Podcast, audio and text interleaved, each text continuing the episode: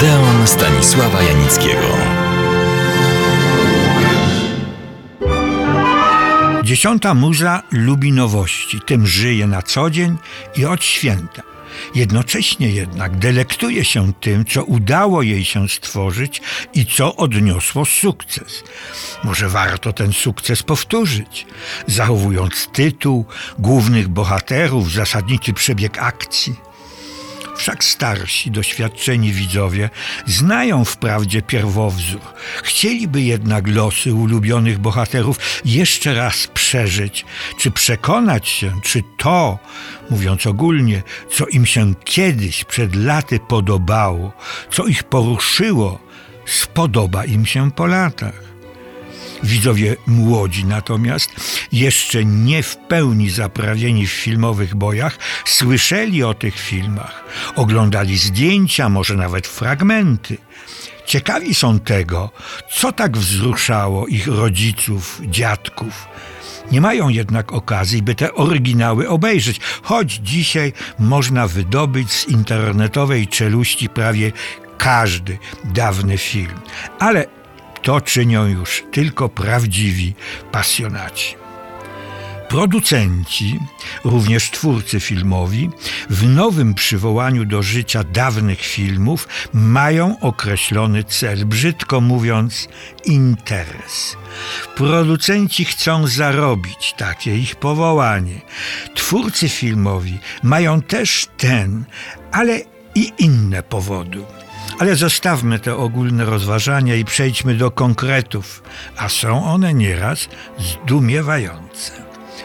Otóż opowieścią, która została i zostaje najczęściej przenoszona na ekran jest Kopciuszek trafił jak dotąd na ekrany ponad 100 razy i to w najróżniejszych wersjach, odmianach, ujęciach, wersji klasycznej, bajkowej, mniej lub bardziej realistycznej, ale i animowanej, baletowej, parodystycznej, ba, nawet pornograficznej. Filmowa premiera owego pierwszego Kopciuszka miała miejsce w Wielkiej Brytanii już w roku 1898, czyli trzy lata po narodzinach dziesiątej muzy.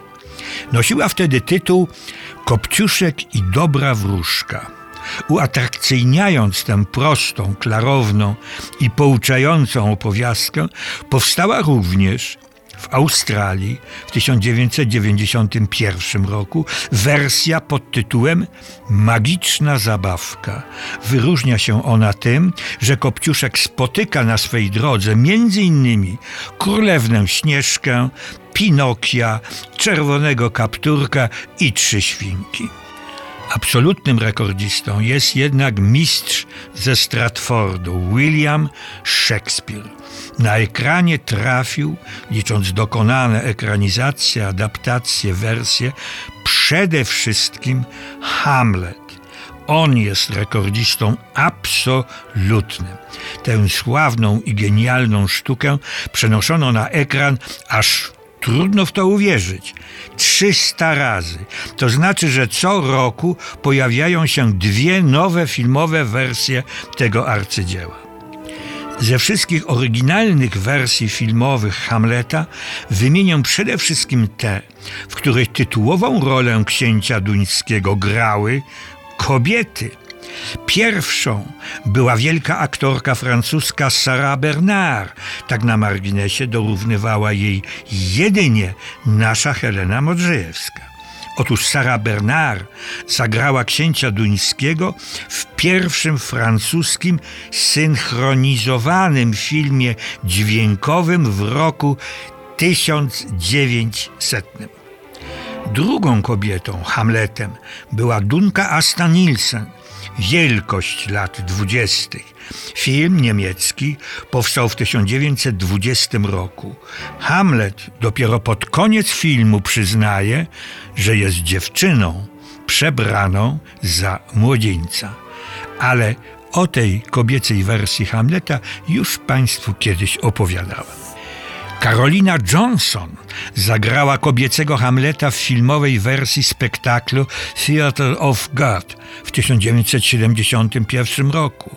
I czwarta kobieta Hamlet w Fatami Girik, filmie tureckim, filmie z 1977 roku zatytułowanym Żeński Hamlet.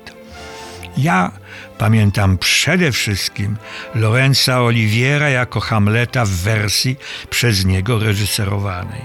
Zapamiętałem też, to znaczy widzę go po dziś dzień, widzę poszczególne kadry i sceny znakomitego aktora rosyjskiego Inokentia Smoktunowskiego, młodzieńczego Hamleta, uwikłanego w konflikt, dramat władzy filmie Grigoria Kozyncewa. A gdzie Romeo i Julia, Macbeth, Sen nocy letniej, Juliusz Cezar, Otello, Król Lir? Kończę i zapraszam Państwa na następny nasz Odeon, w którym opowiem o najpopularniejszych remake'ach, czyli wersjach głośnych powieści i filmów naszego polskiego kina.